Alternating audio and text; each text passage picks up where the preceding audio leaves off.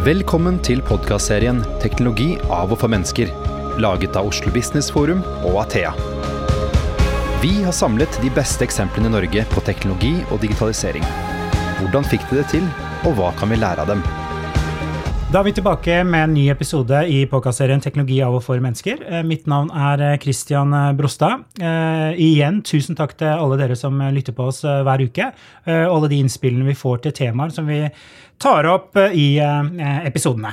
I denne episoden skal vi snakke om noe kjempeviktig, og det er bærekraft og teknologi. Og dette er jo temaer som de aller fleste ledergrupper og styrer har på bordet sitt. Vi skal se spesielt på klesbransjen eh, i, i- også. Eh, og vi har med oss to eh, fine gjester. Eh, det er Ina Vikøren, som er bærekraftsjef i Hennes og Maurits, HM. Sier dere HM eller Hennes og Maurits? Ja, vi sier HM. Dere sier ja. HM, ja, ok. Eh, og så er det Mali eh, Hole Skogen, som er teknologi- og bærekraftsdirektør i IKT Norge. Velkommen til dere. Tusen takk. Tusen takk. Eh, vi skal snakke om bærekraft, og, og det er lett å liksom kaste en hel masse tall på bordet for å beskrive eh, hvordan situasjonen er. Eh, jeg skal bare ha et par tall her. Eh, og det er sånn at eh, Norge sammen med EU har satt som mål om å kutte utslippene minst 40 eh, innen 2030 sammenlignet med 1990-nivået. Eh, og skal vi få til det, så må jo alle bidra. Både virksomheter og, og enkeltmennesker. Det som var I researchen til denne episoden så, eh, titta jeg jo litt på eh, hva klesbransjen eh, bidrar med eh, når det gjelder eh, utslipp. Og det var ganske mye. Ja. Jeg var sånn what, tenkte jeg da, for det er 10% i hvert fall de, de tallene jeg fant, 10% av verdens utslipp av drivhusgasser kommer fra klær og sko. Produksjon og, og hele businessen. Da. Og det er mye bruk av vann, og det, jeg leste om lastebiler med klær som brennes, eh, osv. Så, videre, og så, videre. så det er, det, jeg fikk litt sånn mm, Er det virkelig så, sånn, da? Eh, så eh, Ina, Ja. eh, er det så ille i bransjen du jobber i? ja, altså, det er kanskje ikke så mange som vet det at um, vår industri står Altså er verdens nest mest utslippende industri, nest etter olje og gass. Og det vet jeg jeg har gjort mye sånn spørreundersøkelser på gaten på, og sånn, og, og man gjetter ikke det. Man gjetter ikke at eh, tekstilindustrien er så ille, men den er faktisk det. Så, og vi som såpass stor aktør som HM, vi har jo et enormt ansvar, like mye som muligheter til å endre industrien til å bli en del av løsningen for kloden, og ikke problemene. Men absolutt, vi står over vanvittige store utfordringer og vanvittige store omstillinger for å endre dette. Mm. eh, og dere har jo eh, Det er jo bare å gjøre et enkelt Google-søk, så ser man jo at eh, HM dukker opp i disse problemstillingene rett som det er. Og, eh, Hva er årsaken til at dere liksom har dette ordentlig på agendaen og ønsker å gjøre noe med, med deres bidrag da inn i dette? Ja, um, det er det jo mange grunner til. For det første så er jo HM et selskap som er eksisterer for ikke bare nåværende generasjoner, men kommende generasjoner. Og med en gang vi um, skal operere for kommende generasjoner, så er det helt prekært å adressere bærekraft. Og når vi da i tillegg opererer innenfor verdens nest mest, verdens nest mest forurensende industri, så går det fra ikke å være prekært, men altså det er et overlevelsesargument. Um, så for at vi i det hele tatt skal overleve som, selskap, så er vi nødt til å operere innenfor planetens tåleevne, både på humankapital, men også på miljø, altså miljømessig impact. Da. Så det er, altså bærekraft er jo til syvende og sist bare god business. Og så det er jo konkurransedyktigheten som ligger i problemstillingene som vi adresserer. Og det er jo ikke sånn at måte vi har begynt, forsøkt å gjøre dette, eller, eller begynt å adressere dette de siste årene. Eh, Man har jo eh, sett endringer og forstått at måte vi opererer med ressurser som er knappe, og som renner ut. Og så endringen og omstillingen har jo skjedd over mange, mange, mange år. Eh, Og det er det jo heller ikke så veldig mange som er klar over. Altså, da jeg begynte som bærekraftsleder for nå ett og et halvt år siden, så uh, var det jo flere som sa sånn Å ja, har HM begynt med bærekraft? men det har jo vært på agendaen kjempelenge, men det er jo kanskje først nå det belyses fordi at man blir Man får mer og mer informasjon, forbrukere blir mer og mer opplyst, og det settes lys på oss som en av de største aktørene. Så vi kommer jo alltid til å på en måte få litt den monsterrollen. Men det er på Dere en får skiten fordi dere er størst. ja, sant, liksom, og industrirelaterte problemer eh, for HM sitt ansikt. Eh, og det er jo Det kan jo på en måte jeg sitte her og Eller mange kan jo mene at det er urettferdig, men samtidig, det er det ansvaret man tar som så stor aktør. Og det gjør jo at man er nødt til å være on the front runner, of the game hele tiden. For kritikken settes mot oss, mot oss hele tiden. Mm. Så jeg syns egentlig bare det er på en måte bra. Eh, kritikk er bare bra, for det gjør deg skjerpet. Mm. Molly, du kjenner jo litt bærekraftssituasjonen, holdt jeg på å si. Eh, har, har, du den samme følelsen også at dette har blitt veldig sånn urgent for mange selskaper å håndtere bærekraft? Ja, jeg vil si at uh, for noen har uh, skjønt hvilket uh, landskap vi står oppe i, og så er det noen som har en litt lengre vei å gå. Og for oss som er født på 80-tallet, vi har stått oppi noen teknologiske omveltninger og følt det på kroppen. Eksempel så opplever jeg at vi har gått fra å tenke kortsiktig planlegging til langsiktig og mer bærekraftig tenkning. At vi har gått fra analoge prosesser til mer digitale prosesser, og at vi har gått fra å tenke at vi skal kjøre full utbygging på olje og gass, og heller ser at uh, mer og mer av investeringene går inn i eh, selskapet som utvikler fornybar teknologi. Og det siste liksom jeg leste for en ukes tid siden, var at uh, den norske kronen har vært veldig tett. Verdien av den norske kronen har vært tett knytta opp mot verdien på olje. Og nå er den også påvirket av eh, investeringer i fornybart. Og det er tydelig at eh, da er noen av disse tankskipene i ferd med å snu, og Hennes og Maurits er et stort tankskip. Sånn at eh, de kan gjøre mye hvis de først gjør valgene riktig. Og så tror jeg at det er viktig å tenke på at i krysningen av disse tre omveltningene så åpner det seg opp noen, et businesslandskap som du kan velge å behandle som buzzword. Så si at bærekraft er et buzzword, digitalisering er et buzzword, fornybar teknologi det er noe ullent, vi vet ikke hvor stort det kan bli. Eller du kan gripe det med begge hendene. Og jeg tror at De som behandler dette som buzzwords, de vil merke en helt annen form for konkurranse på veldig mye kortere tid enn de tror. Og de som griper det med begge hendene, vil rykke fra fort. Mm.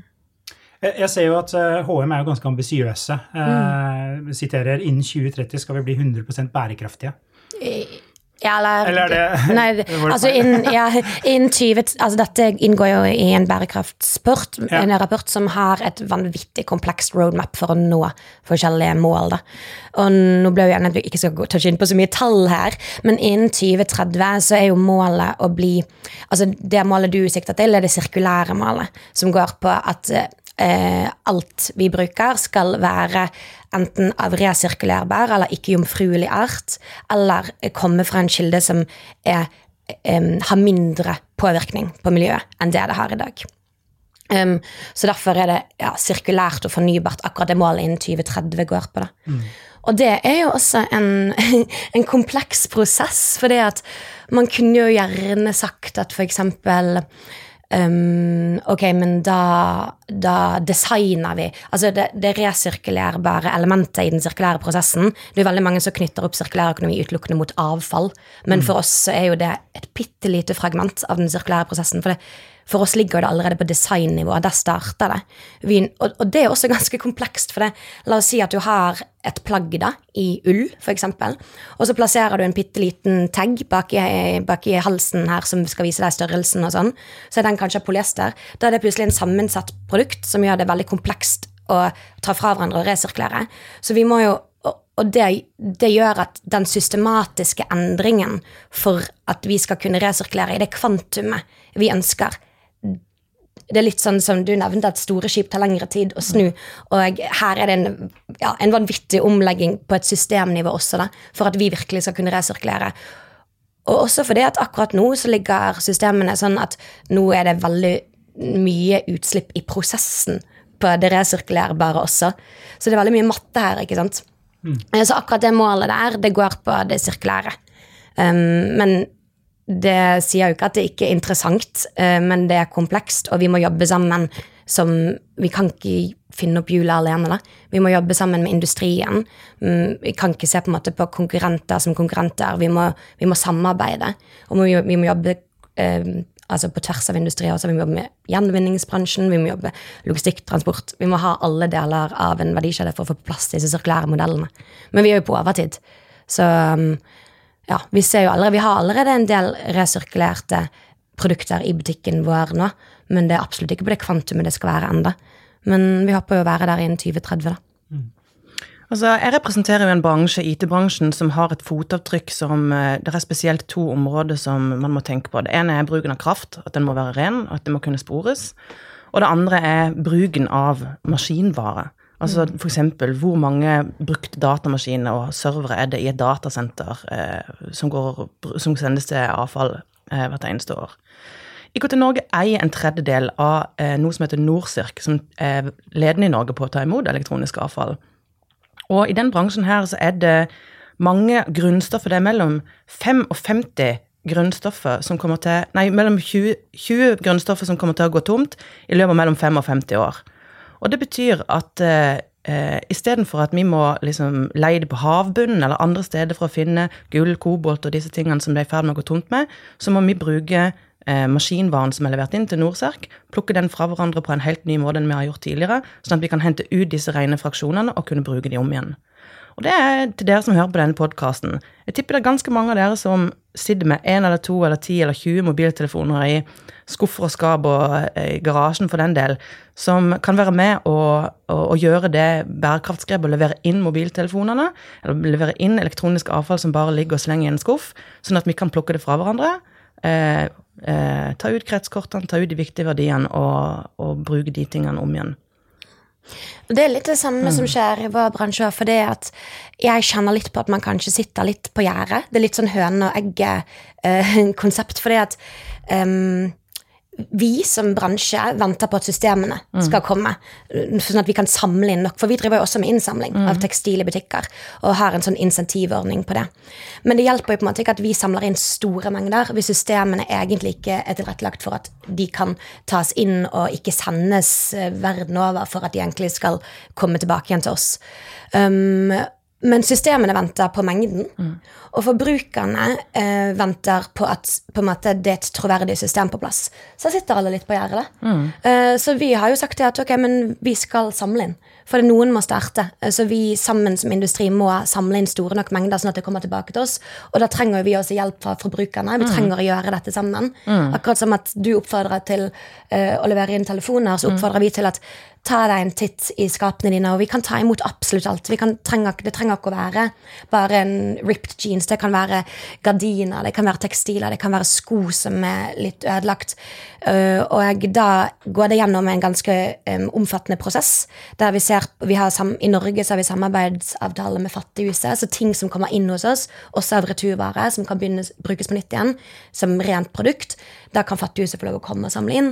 Og så har vi ICO, altså, uh, iCollect i Berlin, som da tar seg av resten av sorteringsprosessen, så at det enten går tilbake som tekstil eller et ikke-jomfruelig materiale. Så det, vi må jo bare starte et sted på denne innsamlingsprosessen vår. Jeg er helt enig. Her må vi ned til minste detalj og plukke fra hverandre og burge på nytt igjen.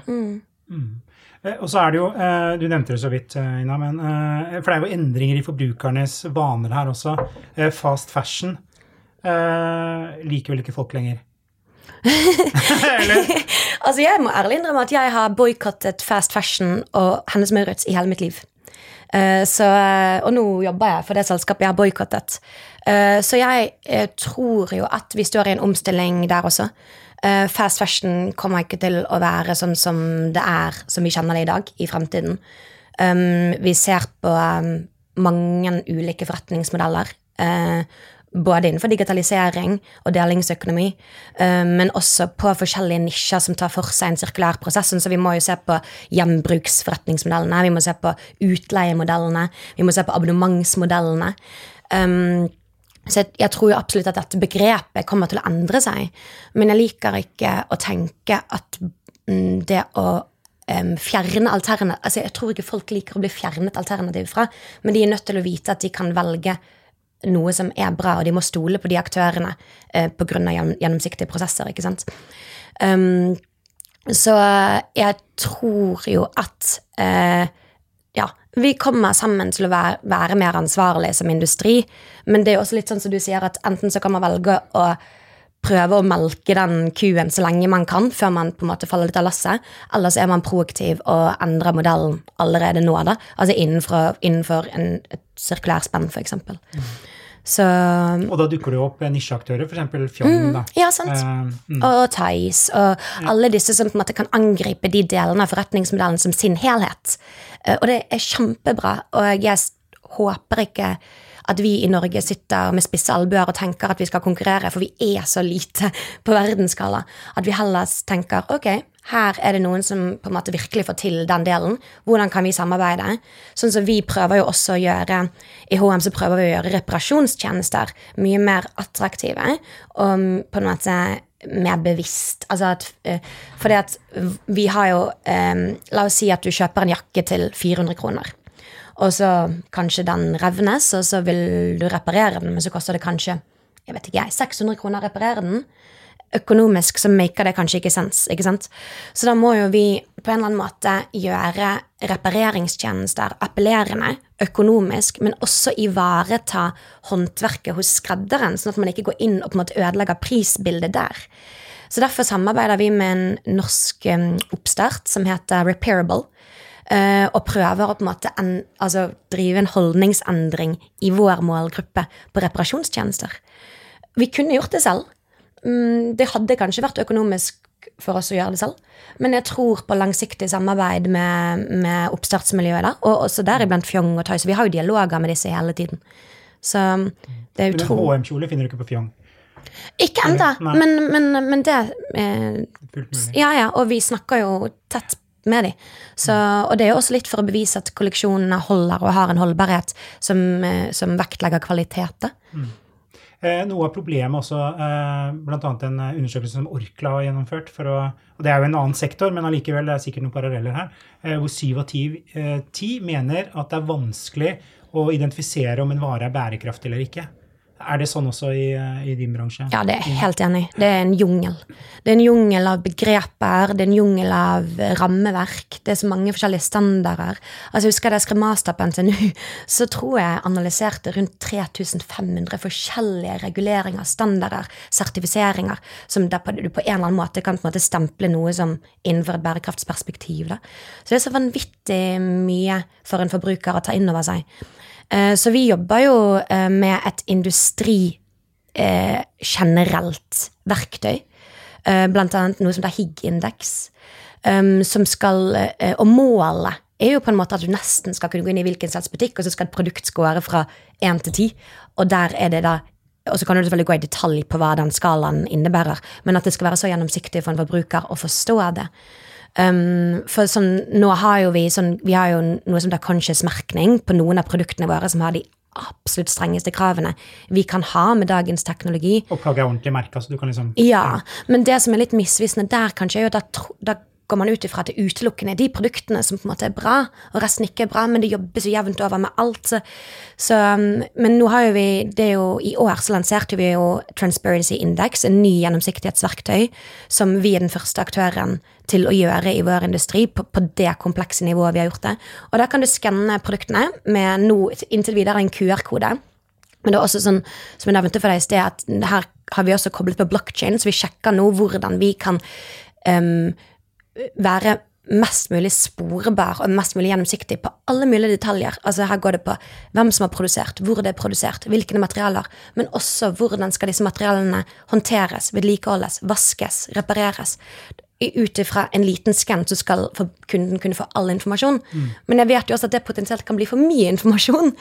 Um, så det å forenkle uten å fordumme, det er veldig komplekst, rett og slett.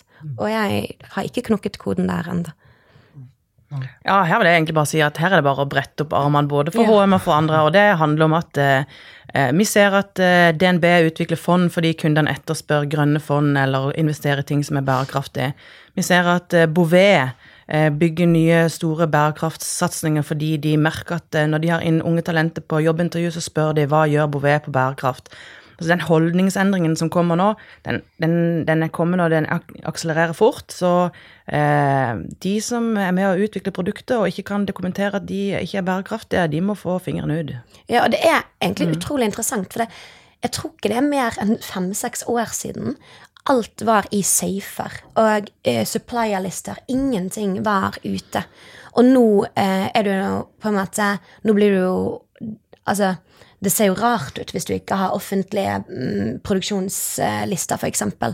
Um, så litt igjen tilbake til det vi snakket om, de som ikke kaster seg på dette nå, det kommer jo til å falle av. Mm. Fordi at du, det blir så uglesett. Eh, Greta Thunberg har jo gjort eh, masse. Eh, hun er jo fantastisk, eh, min mening i hvert fall. Eh, og det er jo skam knytta til alt. Har vi fått klesskam? Um, ja, altså, men jeg Jeg vet ikke, jeg, jeg Vi har jo det, men jeg, jeg, jeg syns ikke det er noe bra begrep.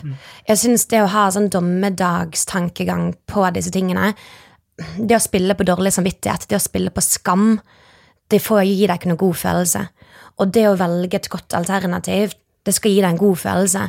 Um, så vi må heller spille på den gode samvittigheten av å velge bra, heller enn den dårlige samvittigheten av å velge dårlig. Og der, um, og så syns jeg også at det ordet for eksempel forbruksskam, det, da, da ilegger du forbrukeren ansvaret. Og det er heller ikke riktig. Um, her er det en, en, et lass vi drar sammen. um, Både på det politiske nivået, og på næringsnivået og forbrukernivået. Uh, og vi må bevege oss i takt med hverandre. Uh, så um, jeg selv har telt mine personlige utslipp som en anorektiker teller kalorier. Jeg har gjort det, og jeg, jeg ble utbrent av det. Jeg fløy ikke på noen år. Jeg, jeg gjorde alt dette her. Altså, jeg var poster child for miljøriktige alternativ. Da. Altså, gikk jeg til butikken uten å ta med meg et bærenett, så gikk jeg nesten to ganger mm. for å bære med meg produktene hjem. Jeg ville ikke bli sett med en plastpose. Um, jeg husker en gang jeg var på vei hjem fra ski, og jeg var så sulten, og jeg gikk inn på en bensinstasjon og kjøpte meg en pølse, og jeg var så redd for at noen skulle se meg. Så på en måte, jeg hadde så mye dårlig samvittighet. Og så endret jeg det litt med tankegangen min, um, og tenkte at ok, vi må heller samarbeide. Uh, og um, vi må samarbeide innenfor det som på en måte er dagens muligheter. da. Vi må ikke tillate oss å på en måte bli utopisk og bygge luftslott. Vi må være realister innenfor løsningsområdet vi har i dag. da. Så, men ja, det er jo kjempebra at forbrukerne blir mer bevisst og, og etterspør f.eks. mer brukt og mer leie. Det er jo kjempeviktig, for alt går jo på etterspørsel. Altså for mm, supply og demand i vår bransje, ikke sant. Så mm, jeg heier jo på de, de modellene, da. Ja, jeg må si det at eh, jeg har blitt tilhenger av å få ting ut av huset istedenfor å fylle opp huset med ting. Ja. Og det har litt med å gjøre at eh, jeg har en fireåring, og når jeg fikk henne, så eh, ville vi kjøpe alt nytt. Fordi hun var vårt første barn, og det var kjempespesielt, og vi elska henne overalt i verden. Så fikk vi tvillinger, og, eh, og skjønte at liksom eh, Det er ingen poeng i å gjøre det. Eh, Finn er fullt av varer som du lett kan Kassevis med klær og leger og alt mulig, som har vært brukt kanskje én eller to eller tre ganger. Det er ingen poeng i å gå og kjøpe nye ting i det hele tatt. Og vi gir vekk en masse av leger og klær for å få plass i huset og få oversikten og få liksom ned forbruket. Så jeg tenker jeg er enig med det. liksom, Kanskje den her skammen er en dårlig følelse. Jeg føler ikke så veldig mye på den, for jeg er ikke så veldig glad i å kjøpe ting. Men eh, jeg vil ha et hus med oversikt som ikke er klogga med masse greier. Og så vil jeg gi vekk alt jeg kan, når jeg kan. Og så får du jo masse kasser med klær for andre sendt videre. Sånn. Så jeg tenker at det er en slags befriende tanke at eh, det der med behovet for å hamstre, eh, det er det mange som kan ta seg en runde på. Ja, og det ser man jo i altså, hvor trendy det på en måte er å minimalisere og Marie Kondo og det å på en måte eh, ja, leve et enklere liv med mindre ting og ryddigere flater, at det også gir ro i hodet. Og det eh, det setter jo press på oss også, ikke sant? Hvordan vi Sånn som allerede nå, så er jo butikkene våre Det er mindre plagg, det er ryddigere flater. Altså, vi, vi jobber jo i takt med på en måte trendene, og akkurat nå er det trendy å være en minimalist, og det må jo vi også forholde oss til, ikke sant? Jeg tror at det vil gå så langt at um, Stiller jeg egentlig spørsmål til begge. Eh, hvis vi tar utgangspunkt i at du ikke klarer å endre forretningsmodellen din, nei, men du må gjøre en del miljøgrep, og det får uh, betydning for bunnlinjen, at du tjener mindre penger. Tror du, eh, kan sikkert ikke svare på vegne av HM, men eh, tror du at selskaper er villige til det?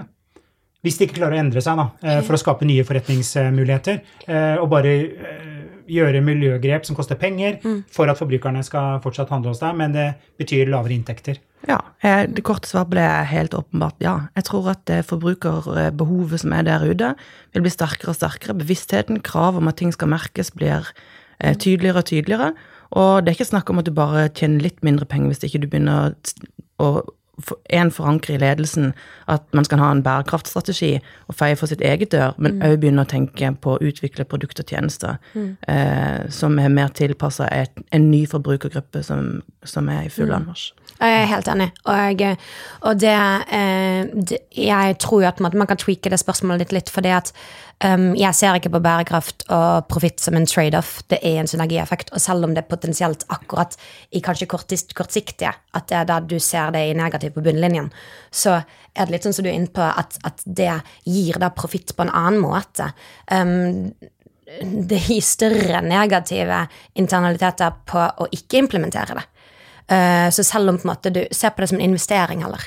Og det er helt, men det, det kan jeg svare på på HM sine vegne. Altså at vi i dag så legger vi penger i ting som er tapsprosjekt for oss inntil et, et, altså en viss modenhet i markedet, f.eks., mm. eller når vi håper at et visst system er på plass, eller uh, at det genererer på en måte ja, um, andre effekter.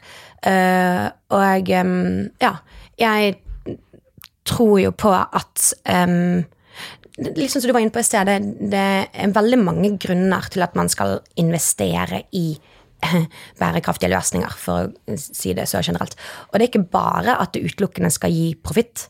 Det er jo fordi at du gjør forretningsmodellen din mye mer motstandsdyktig og mye mer robust. Så det å implementere ting proaktivt, sånn at du slipper slipper å implementere det reaktivt når disse lovendringene kommer, f.eks. For, eksempel. for da, er, da er du plutselig et hestehode foran konkurrenten. Hvis du analyserer fremtiden i din industri, det kan jo være tips til de som hører på podkastene, å analysere på en måte Du ser bakover i din egen verdikjede, og så analyserer du egne negative eh, negativ impact. Du analyserer det, og så analyserer du andres negativ impact. Det vil si um, altså do less, good, nei, do less bad i din egen forretningsmodell, men også i andre, andres forretningsmodeller. Så du kan se muligheter i andres eh, problemer. Og du også ser på en måte skanner fremover i tid. Hva, hva, slags lover har kommet i andre lignende land, f.eks., som ligner på oss. Uh, og der kan du allerede skjønne at ok, dette og dette, og dette kommer til å komme. Til og med på begrepsnivå har jo ikke vi lov til å bruke f.eks. bærekraftig mote. For dette, her, det å, her har det allerede begynt å komme lovverk. Og det er jo en massiv endring som potensielt kan koste mye penger å endre på re reaktivt, ikke sant. Så, um, og det er jo én ting, robust forretningsmodell. En annen ting er jo at du um, litt som du også var inne på i sted, at du attraherer talenter, og du ivaretar talenter som arbeidsgiver. Jeg ville aldri jobbet for HM hvis ikke jeg eh, hadde analysert selskapet til å oppriktig håndtere bærekraft og oppriktig ønske, altså endringsviljen oppriktig var der. Mm. Var, jeg var med i et intervju i Kapital, og der hadde de gjort en superstor undersøkelse på søknadsprosess til folk som går ut med høyere utdanning. Og ordet bærekraft og klima og miljø og sustainability har nesten hatt en eksponentiell vekst de siste årene. Um, og, og det, så folk Det å på en måte keep and attract talent, det mm. alene er jo et massivt argument. Og er vanskelig å analysere som ren profitt på bunnlinjen, da. Men det er så mange argumenter jeg kunne fortsatt i uendelig. altså, vi, vi, sitter jo i en bransje hvor eh, eh, liksom, talenter støvsuges ut av skolene så fort mm. de er ferdig med IT-utdanningen sin. Sånn at de får jobb uansett, og da blir det et veldig godt argument. De kan velge en top of the list som regel. Eh, og hvis bærekraft er viktig for den yngre generasjonen, så blir arbeidsgiver nødt til å tenke seg om. Mm. Eh, teknologi, eh, Mali. Eh, mm. Hvordan kan teknologi være en del av løsningen til HM og andre? Ja, altså, Stort spørsmål, men, ja, nei, men uh, La oss prøve å konkretisere det, da. Um, jeg tror vi alle sammen vet at liksom, til og med tilbake igjen til den industrielle revolusjonen, så vet vi at teknologi er en driver for utvikling og fornyelse av samfunnet, på godt og på vondt. I de omveltningene vi står oppi nå, hvor eh, vi må kutte utslipp, eh, tenke mer langsiktig, bruke for mindre varer, så er den iboende potensialet til å eh, distribuere bransje, speede opp bransje, forenkle, fornye, effektivisere, det er verktøy som teknologien er med på å fremme. Jeg tenker på et konkret eksempel som, som er mye debattert her i Norge, er f.eks. transport av varer. Vi har vært gode i Norge til å lage insentiver gjennom 17-18 år for eh, å omstille privatbilparken vår fra diesel, og bensin til eh, elbil. Det har vært veldig vellykket, og vi er blant ledende i verden på det markedet. Og det skyldes ikke bare at vi er glad i å kjøpe elektrisk, det skyldes at du får mye bil for pengene hvis du kjøper en elbil i Norge. Men når det kommer til varetransporten, så hvis du noen gang har kjørt fra Hamburg gjennom Göteborg til Oslo og sett den linjen med trailere som kommer fra Europa eh, gjennom Göteborg og inn til Oslo, eh, det, er et, altså det, er et, det er kilometervis med trailer på trailer på trailer på trailer. Og vi blir nødt til å kutte utslippene fra, eh, fra eh, varetransporten. Så er mange som peker på at den skal over på båt eller på bane. Og det er estimert å være 2-3% av det eh, dagens transport av varer som, kan, som det er kapasitet til å overføre på sjø og på bane. Eh, som vi blir nødt til å kutte CO2 fra traileren. Eh, og der kan vi se på Enten så kan vi bygge infrastruktur, digitale veier, for å kutte eh, kødannelse, kutte CO2-utslipp, bygge ladeinfrastruktur for hydrogen, biogass og kanskje til og med el. Men vi kan òg se på hva kan f.eks. 3D-printing gjør for å redusere den økte behovet for transport av varer? Kan vi tenke at vi ikke skal ha varer på veien i det hele tatt, men at vi skal bruke teknologien til å kutte CO2 fra varetransporten fordi vi produserer lokalt? Det er et veldig spennende firma som heter Gelato, som er en medlem i eh, IKT Norge. Det er et trykkeri som, eh, som trykker eh, altså alt fra julekort og brosjyrer osv. Og, så og de har kontorer over hele verden. Så istedenfor at du f.eks. sitter i New York og er FN og trykker masse eh, brosjyrer og informasjonsmateriell der og sender til resten av verden, så kan de ta på seg trykkoppgaver for resten av verden. Da er det masse papir spart, du slipper alle disse kassene med brosjyrer som står på kontoret og tøyner seg opp, og du har kutta hele transportkostnaden. Så vi tror vi må tenke på at det er veldig mange sånne områder som dette her, som den norske IT-bransjen kan være med å snu om på, som gjør at det ikke bare er eh, liksom, den vanlige steg-for-steg-tankegangen i hvordan vi kutter CO2 eh, bil for bil, men at eh, vi kan snu opp på måten vi løser ting. Og der ligger den norske IT-bransjen langt, langt framme. Mm. Ina, når kan jeg printe 3D-printe en jakke fra HM hjemme? Uh, nei, altså det som er litt morsomt for vår del, da, er jo at vi er jo en gruppe. Um, så vi er jo ikke bare HM-merkevaren, men vi er jo HM-gruppen som har jo Altså, vi har Weekday, Monkey, Arke, Other Stories, HM vi, vi, er flere innenfor en, og det gjør jo at vi har muligheten til å eksperimentere en del. Så vi har jo um, Vi har interne inkubatorer, innovasjonslabber. Vi har egen avdeling for um, avansert analyse og kunstig intelligens. Um, vi har en egen prisutdelingskonkurranse, um, altså verdens største prisutdelingskonkurranse for sirkulære tiltak innenfor tekstil. Og grunnen til at jeg nevner dette, er fordi at um, vi, for, altså vi er jo som en megastor entreprenøriell enhet. Og vi, vi, prøver på ting som aldri har blitt gjort før. Så det med 3D-printing og skann, og skann av kropp, og optimalisere F.eks. hvordan ting skal tilpasses, og hvordan man skal unngå svinn. Alt dette her jobber vi med daglig, og forsøker og allerede forsøker inni mindre butikker. Weekday har f.eks. blitt forsøkt litt på 3D-skanning, nei, 3D-printing. Mm. Um, Arket har nå blitt Der har vi implementert blockchain. Så på en måte, det er veldig, veldig, veldig, veldig mye interessant som skjer. Og her er det igjen, hvis ikke vi um, eksperimenterer og forsøker og, og, tør å ta litt risiko, så kommer vi også til å falle av, for de mindre aktørene har større muligheter til å kaste seg frempå. Men samtidig så kjenner jeg på at HM har de musklene som trengs for å endre det litt mer på et industrinivå. da. Mm. Så um, det er veldig veldig interessant. Det er veldig, um, I dette som heter Global Change Awards, så er det jo aktører som som har kommet opp med masse forskjellige algoritmebaserte løsninger innenfor tekstil.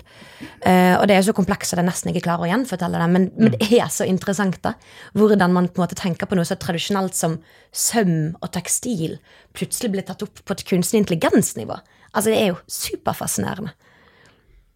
Ja, Hvis jeg kan utfordre deg litt, så har du nevnt mange ganger at uh, dere gjør forsøk og prøver å implementere løsninger Men eh, som jeg nevnte tidligere i podkasten, så er jo dere et stort tankskip. Og hvis det tankskipet snur, så snur, kan dere dra med der veldig store deler av bransjen. Får du noen gang lyst til å sette liksom, teknologi på toppen av agendaen til HM og si at dette tankskipet skal vi klare å snu, og vi skal være teknologileder? Ja, og, men det er, Altså, vi, den, altså, vi er den aktøren i, i hele vår industri som absolutt jobber mest med dette. Hun, altså virkelig. Et hestehode foran. Og det at vi i det hele tatt har en egen avdeling på avansert analyse, det vet jeg ikke om noen andre har. Um, og hvordan um, Og så er det litt sånn altså Nå er HM-merkevaren den største, ikke sant? så man, man tester jo Vi tar jo risiko litt mer på de andre merkevarene. Og så har vi eksempel noen kolleksjoner som er litt mer sånn risikosporten vår, hvor vi tester ut forskjellig ny teknologi, hvor vi tester ut nye materialer. For eksempel nå har vi testet ut hvordan vi kan ta alt svinn fra juiceproduksjon, skall og alt fra sitrusfrukter, spinne det om til nye fibre inn i ny tekstil og gjøre det om til ikke-animalsk skinn. Uh, og det kan jo vi på en måte ikke bare skyte ut i stort kvantum, for vi må jo se holdbarheten og sånn. Så det tester du i mindre kvantum, i mindre kolleksjoner, for å da kvalitetssikre at dette her funker. Ok, greit, check, da tar vi den inn. Så det er litt sånn vi opererer. Og det er jo liksom som du sier, ja, det tar tid, og ja, jeg som person er jo hakket mer sulten. Skulle jeg ønske at den radikale endringen kunne skje, men for at den endringen skal være bærekraftig, så, så må man ta alle de de forsøksprosessene man må, da. Men jeg skulle jeg, Hvis man gjør litt research på det, og jeg veldig gjerne de som i podkasten er som er mer interessert og har lyst til å gå mer inn i detaljer på dette, så har vi et eget kapittel i bærekraftsrapporten vår som omhandler teknologi, innovasjon, kunstig intelligens. Vanvittig mye detaljer på det. Og der, kan man, der tror jeg mange vil bli overrasket over hvor, på hvor detaljnivå man jobber her. Da. For man tenker jo kanskje ikke akkurat på et HM som et teknologiselskap, ikke sant? men så er man det. Så ja. Og dere har valgt en strategi med å ha inhouse inkubator Ja. og samarbeide med startups. Ja. dere gjør begge deler. Ja, Ja. og vi samarbeider jo ikke bare Altså, vi samarbeider Vi er jo industriaktør. Altså Al MacArthur Foundation, som er den sirkulær økonomiske eh, Hva kaller man det? Skal samle på en måte fra alle industrier, så, sam, så samarbeider de med én industriaktør. Så vi er jo den industriaktøren som samarbeider med Elmer Garth Foundation på tekstilnivå. Vi samarbeider også med FN. Vi sam- samarbeider med veldig mange eksperter utenfor vår lille øy, sånn at vi, alle rådene vi implementerer, er jo på en måte ikke tatt med skylapper på. De er jo tatt med, med veldig mange aktører som samarbeider med oss, og det er jo vi veldig, veldig, veldig glad for. For det er det å sitte og på en måte gjøre litt sånn og skulle ta estimatene derfra, det hadde ikke fungert. Tror dere lykkes? Vil dere nå de Ja. ambisiøse målene? Mm. Ja, ja, ja. 100% Og målene er hårete. Um, Har du det på lyd? Ja, ja. Nei, men det er jeg helt overbevist over. Ja. Og, og det må jeg tro på. Eh, jeg må tro på at vi Altså at tekstil- og klesbransjen kan operere innenfor planetens tåleevne. For det, um, det er utopisk å nedlegge den. Ja, Ikke sant? definitivt. Nei, men Bra. Eh, Vi nærmer oss slutten. eh, Men før vi eh, slutter helt av, så skal vi over på vår faste spalte. Hva er liksom greia med VR, AR, XR, Eller Facebook, Google, personvern, personalisering og GDPR. big data, IoT, blockchain?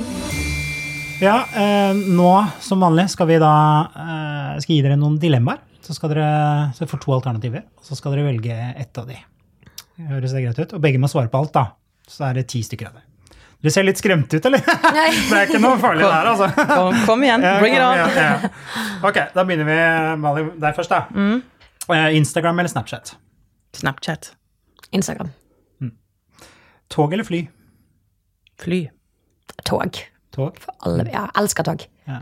Elsker å legge meg i en by og våkne opp i en annen by.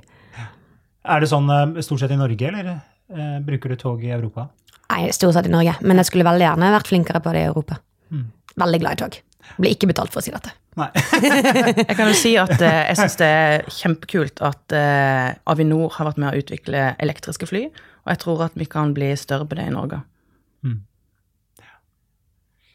Eh, neste. Eh, emoji eller tekst? Tekst. Tekst. Tekst. Bruker, dere bruker emojis i, i Nei. Nei, ikke i det hele tatt? Er det kjemisk fri for emojis? jeg er for gammel.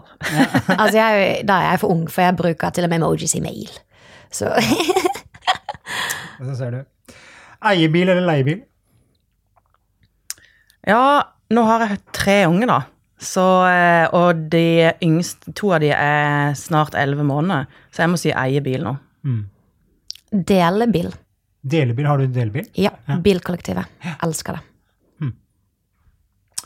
Eh, ringe eller sende meldinger? Ringe. Sende meldinger. Du er en av de få av gjestene våre som ringer, eh, faktisk. Jeg er glad i. Er du ja? ja, det er bra. Eh, kjøpe nytt eller brukt? klær? Brukt. Gjerne brukt. Ja, helst brukt så lenge det går. Lineær-TV eller streaming? Streaming. Streaming. Streaming. Eh, har du noen favorittserie om dagen?